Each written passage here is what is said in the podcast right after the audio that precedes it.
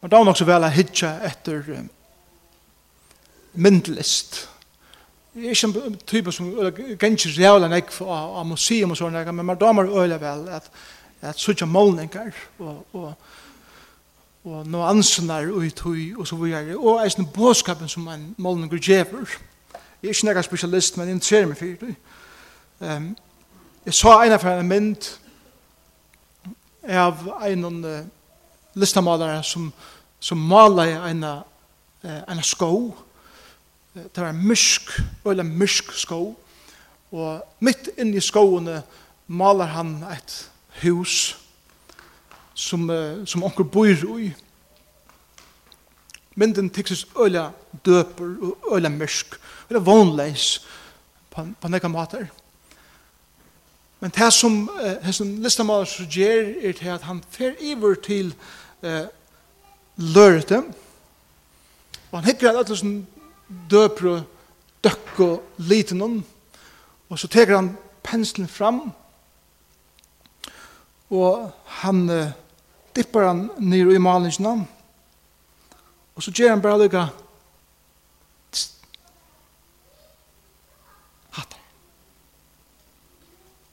Vet du hva det er? Det er et styrinljøs i vindan av husen.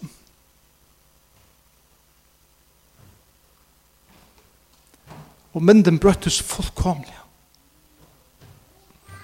Mynden brøttes fra en mynd at jeg være en døper døkmynd til en mynd som knapplega fikk et fokus fokus av mynden ble ljøse. Og så var malen av mer og mer, så, så malen av så at, at ljøse gav straler ut og ut til døkka, og gjør det en omøtelig, underfotla og kraftige mynd av vogn. Ljøse. Hadde myndet som er så ikke fyrir mer, da Jesus var føtter. så ikke myndene er en fortapten, vånleisen heime, hver alt ser vånleist ut. Menneskene er fotlende synd. Menneskene er etskilt fra gode, tog jeg synden er kommet inn og hun gjør en veldig djegv og i middel mennesker og god. Menneskene er vånleist fortapt og gonger i måten er vi fortapelse og tog at en frelsare er ikke føtter. Og det som hender i Bethlehem etter her kvalitet er til at et løyde ljøs vil tekna inn i den målningen som knappt ikke er målningen et, et, et helt annet perspektiv og ljøs blir jeg skoina i myskene og vogn blir jeg suttjast i vånleisen vånleisen Løyv byrja suttjast i dejanen. Frelsa byrja suttjast ur fortaping. Og til det som hender tøyen minner okken av. Hender tøyen da Jesus var føtter. Jeg ber og inngangen om og takka i gode for henne sannsyn som vi har i Nødvendig Testamenten. Og her hugsa jo om Filippe brev kapitel 2. Jeg kan lese eh, disse versene sammen. Filippe Braven, kapittel 2.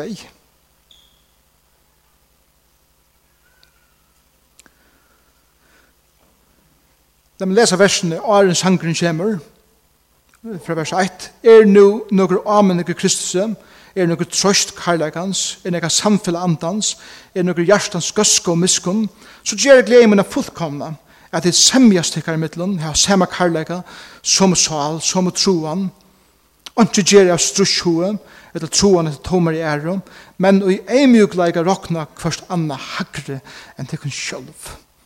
Og ikkje heva kvart sitt egna fyrir eia, men eittu kvart eisne til som øren høyrer til. Så sier han i vers 5, Sama sinna lever i tikkun som vær i Kristi Jesus. Jesus vi gjør når han byr til livet i einlaga, einlaga og einmjukleika, så sier han, som Jesus eisende gjør det, og så får han å synge en sang. Sangren er fra vers 5. Og, og sangren utdyper etter fyredømme som Kristus sinnele er. Og til det som vi skulle hitja, bare helt stått etter i morgen. Jeg vilja dua så mye vera sunnkje at jeg kunne improvisere et lea til etter. Paul lokker meg sunnkje første møtene, men jeg halte at jeg gjør det ikke. Men for det kom kreative svaler og sangskrivere, eh, det er øyla stuttelig hvis jeg kunne prøve det. Just et le til hese årene, fra vers 6 til vi vers 11, skal vi lese. Ta i han vær ens og god, Rokna han ikkje for råan, jeg vil jaunløyge gods. Nei, altså sjolvun seis han undan tog, gjør det ikkje ens og tænaram, og vær menneskjen løyker. Og ta i han vær stien fram som menneskjen, sett han seg sjolvun lokt. Så han var løyen til deian, ja, krossdeian tog hever god eisen sett han ekkli høgt, og givi hon navnet som iver öllum navnen er, fyrir at navnet Jesus er, kvørst knæ skal bodja seg, tæra som i himmelig er om, tæra som i jørn er om, og tæra som under jørn er om. Og hver tunga skal jotta at Jesus Kristus er Herre, gode fæger til dørt og det her er sikna søtt år. Til fyra sannleikar som vi sutja i hessen skriften og i sambandet vi til som vi minnast hos her høgtøyna. Det første er føying Jesus er. Vi får først en mynd av hvor Jesus var åren han blei menneskjen og vi suttja hvordan han sitter her som jaunløs gods og råkna det ikke som ram. Til nekka som han er fullkomlig oppåbåre god feir, god soner, god heilig ante er det ein og atler i som dord og samme myndleika og har oppåbåre som å tilby han fra okkur menneskjon men så leser vi er så sjolvun seiest han undan tui og gjør det ikke ens og tænare over menneskjon lykker. Hatt i jólene, Hatt er Jesu føying. Hatt er ta Jesus kom av himmelhatten nyer til gjerrer. Ta han kom ur dørtene nyer og i rune døytjen er skapa vogn. Til det første som vi sutja i sin teksten. Det neste som vi sutja, det er hessen, realiteten av at det er ungen kruppa utan ein kross. Det er ungen Bethlehem utan eit Golgata. Det er ingen føying utan ein deia og så oppreisn. Og til det neste som vi sutja i hessen teksten, ta og jeg var stien fram som menneska sett en sysjon og lagt, så har lujen til deian, ja, krossdeian. Så først føying Jesus her, leier, leite han ut av krossen, er at dodja for synder okkara. Føying Jesus her var ikke bare en føying av en, en vanlig badne som var født i Bethlehem en dag, som, som så ikke endamal heie vi løyve noen annen enn det bare eksisterer. Endamal av føying Jesus her var til at han skulle genge ut av Golgata kross. Og teka til vånløse, teka til syndene som hekk iver okkom, teka til vald som Satan heie og heimenen.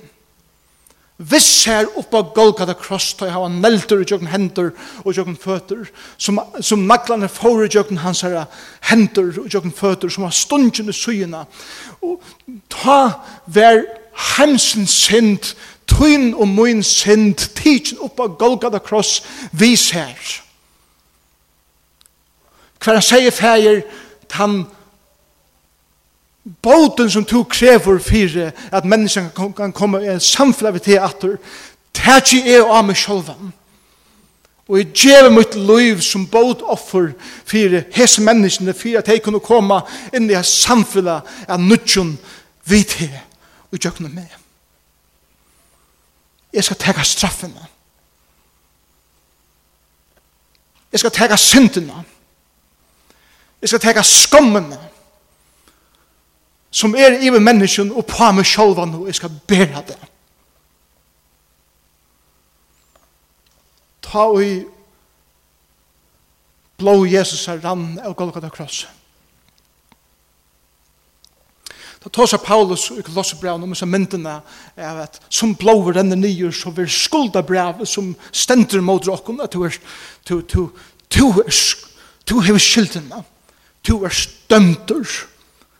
Vi ødel skulle hitja til i egene. Men som blåver renner nyer etter tog, så vil være allar akkærner imot åkken. Som vi der skyldte i ui. Vi skal jeg bort. Og Jesus sier, jeg skal betale hatt hatter. Jeg skal betale hatt hatter. Jeg skal betale. Og det gjør det Jesus og Golgata krosset. For åkken, for meg, og for det personlige. Men så leser vi eisen i teksten om «Tøy hever god eisene, sett han ekvelig høgt, og giver henne navne som gjør ødlån navnen er». Hatta tås han om oppreisningen. Jesus døy ikke bare av krossen for heimsens synd, og var lagt ur grøv og tæva tæva han reis opp at Likamlig oppreisen Hver han kom ut ur grøvene og sier Jeg halde liv i min hånd. Jeg har liklar deias og deiar rusjens. Jeg ver deier, men hikk er livande nu i alder og allar evers. Og Og vi kunne komme inn i et samfunn vi Jesus Kristus. En livande frelsare, en livande vogngjevare, en livande synda utstrykare av åkra løyve. Og jeg har samfunn vi han. Kvann det. Og oss han og i løyve åkra at hånden i givet til navnet som i øtlom navnen er. At mitt navn hever ongan tuttning. Tutt navn hever anga tuttning, og i ljósen er at okkar liv er til a liva fyrir at hans herra navn kan være opplitt og erst. Måtte liv okkar være såleis, og måtte jólun mynda okkar nå hettar, at maten vi liv på, maten vi er jo på jólun, og alt vi er hettar, er vi djeva Jesus i ærna, og djeva hon ta navnet som han hever oppe på. oss For at navnet Jesu først knæ skal botja seg. Tar som himmelig er, tar som hjørn er, tar som under er. Og kvør tunga skal gjøtta. Jesus Kristus er Herre, gode feir til dult. Hva tar seg hattar om? Hattar tar seg om at du kommer Jesus. Jolene henga saman ui hesen sannleikon at Jesus er født etter. Jesus er deier for akkurat sint. Jesus er opprisen og lever i det. Og Jesus for ein det er koma atter. Somleie som han var føtter og hei som den første kom inn i, i hendan heim. Og han er ferdig heim til himmel så det. Lyka så søvliga grunda og satt som det er. Lyka så søvliga grunda og satt ver til at Jesus Kristus for ein dag er koma atturs. Og korskne tar det som i himmelig er og tåsar om englaverna og andaverna. Tar det som i hjørni er og tåsar om um, de mennesker som lever av hjørne, og de som under hjørne er, er Satan og fallna englander, og de som fyller ved hånden. Ein dag skulle, skulle ødelsommel bodja seg fire navnet Jesus er, og de skulle gjotta at han er herre, Og han er frelseren. Og tog er jola båskaperen hesen, Jesus Kristus kom til gjerrar, føtter som at lyde baden, god sjolver som at lyde baden, vekser og blir en maver, djever og bjøvar frelsene til alle mennesker som vil trykva han som sin frelsere. Og jævla bådskapen hesen som vi skal høre det er Vil du bodja til nøkne for Jesus? Jesus? Om du er inne her i morgen, og du kjenner ikke Jesus som din personlige frelser, og du vet at det er hyggelig å komme og møte, og det er en finere båtskaper, og så videre. Men om du omgang til personlige hever sagt, Jesus, jeg er en synder. Min synd hever gjørst en skyldna mellom meg og god, og jeg er fortapter. Så sier Jesus vi til morgen, at en dag skal du bodja til knø for mer. Men vil du gjøre det i morgen? Vil du gjøre det nå? Vil du gjøre det i dag? At du gjør vårt liv til Jesus. Så så en dag at du skal standa framfor han som tønn domare. Og er dømt i alle æver, bort fra hans er asjon. Det er at Jesus kom, Derfor gjeva det her liv og gjeva det her en frelse. Derfor be at jeg om ikke ferdig ut om morgen og bare bli vi at det er nok da til å halde at du er god nok eller god nok og det skal nok genka. Det skal ikke genka hvis du ikke gjeva det liv til Jesus. Og så husker vi okken som har en dag bak akkurat knø for Jesus.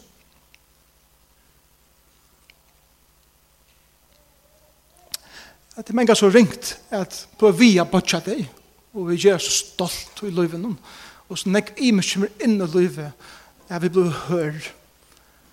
Jeg måtte jolen i arver, han i jol hva vi sier Jesus, henda mannen vil jeg byrja bøtja meg, og bøtja meg knø, og bøtja hjertet for det her. Og det her som kom inn, og og det er tingene som kanskje er blevet myrsk, og de perspektivene som ikke er så langer, måtte være så henda mannen, at jeg får egen opp av nødt som fire, så underfullt det er jeg oss vidt her.